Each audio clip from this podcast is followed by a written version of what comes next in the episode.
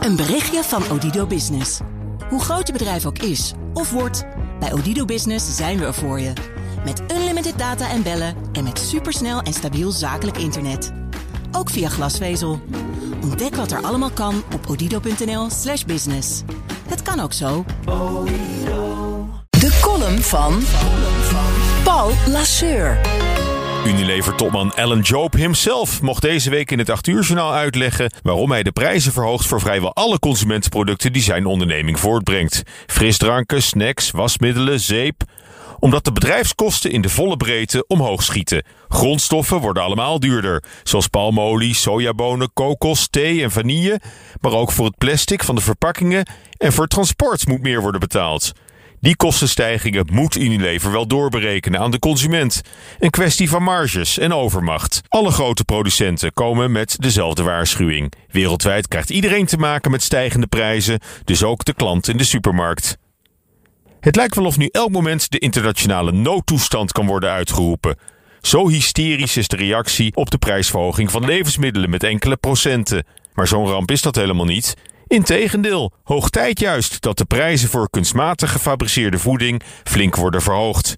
Onze voeding is geleidelijk aan een industrieproduct geworden. Al die pakken, blikken en potjes met kant-en-klare gemaksvoeding bevatten conserveringsmiddelen, smaakverbeteraars en kleurstoffen.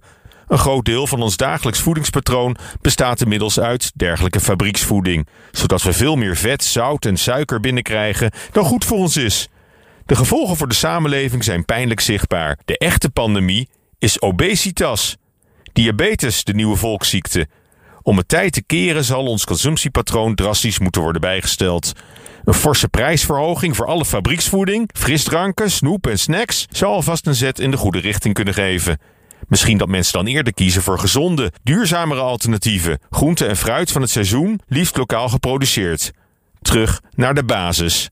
Het zal niet makkelijk worden. Millennials zijn opgegroeid in welvaart en overvloed. Toen ik 25 was, haalde je niet elke dag een latte macchiato met een muffin bij de Starbucks en smiddags een broodje bij de Subway.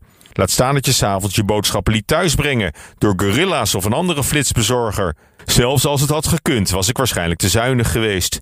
Ik kon trouwens ook niet kiezen uit 30 soorten krusli in de supermarkt. Voor tussen de middag had ik een broodtrommel mee, met elastiek en een boterham met tevredenheid.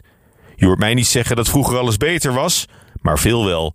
Het mag allemaal wel wat minder, wat normaler, beter in balans. De gemakzucht is te ver doorgeschoten. Overconsumptie is standaard geworden. Alleen, probeer dat maar eens af te leren.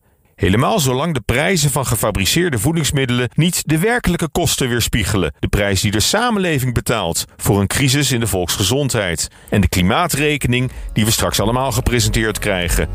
Fabrieksvoeding is helemaal niet duur, maar nog veel te goedkoop. Prettige maandag.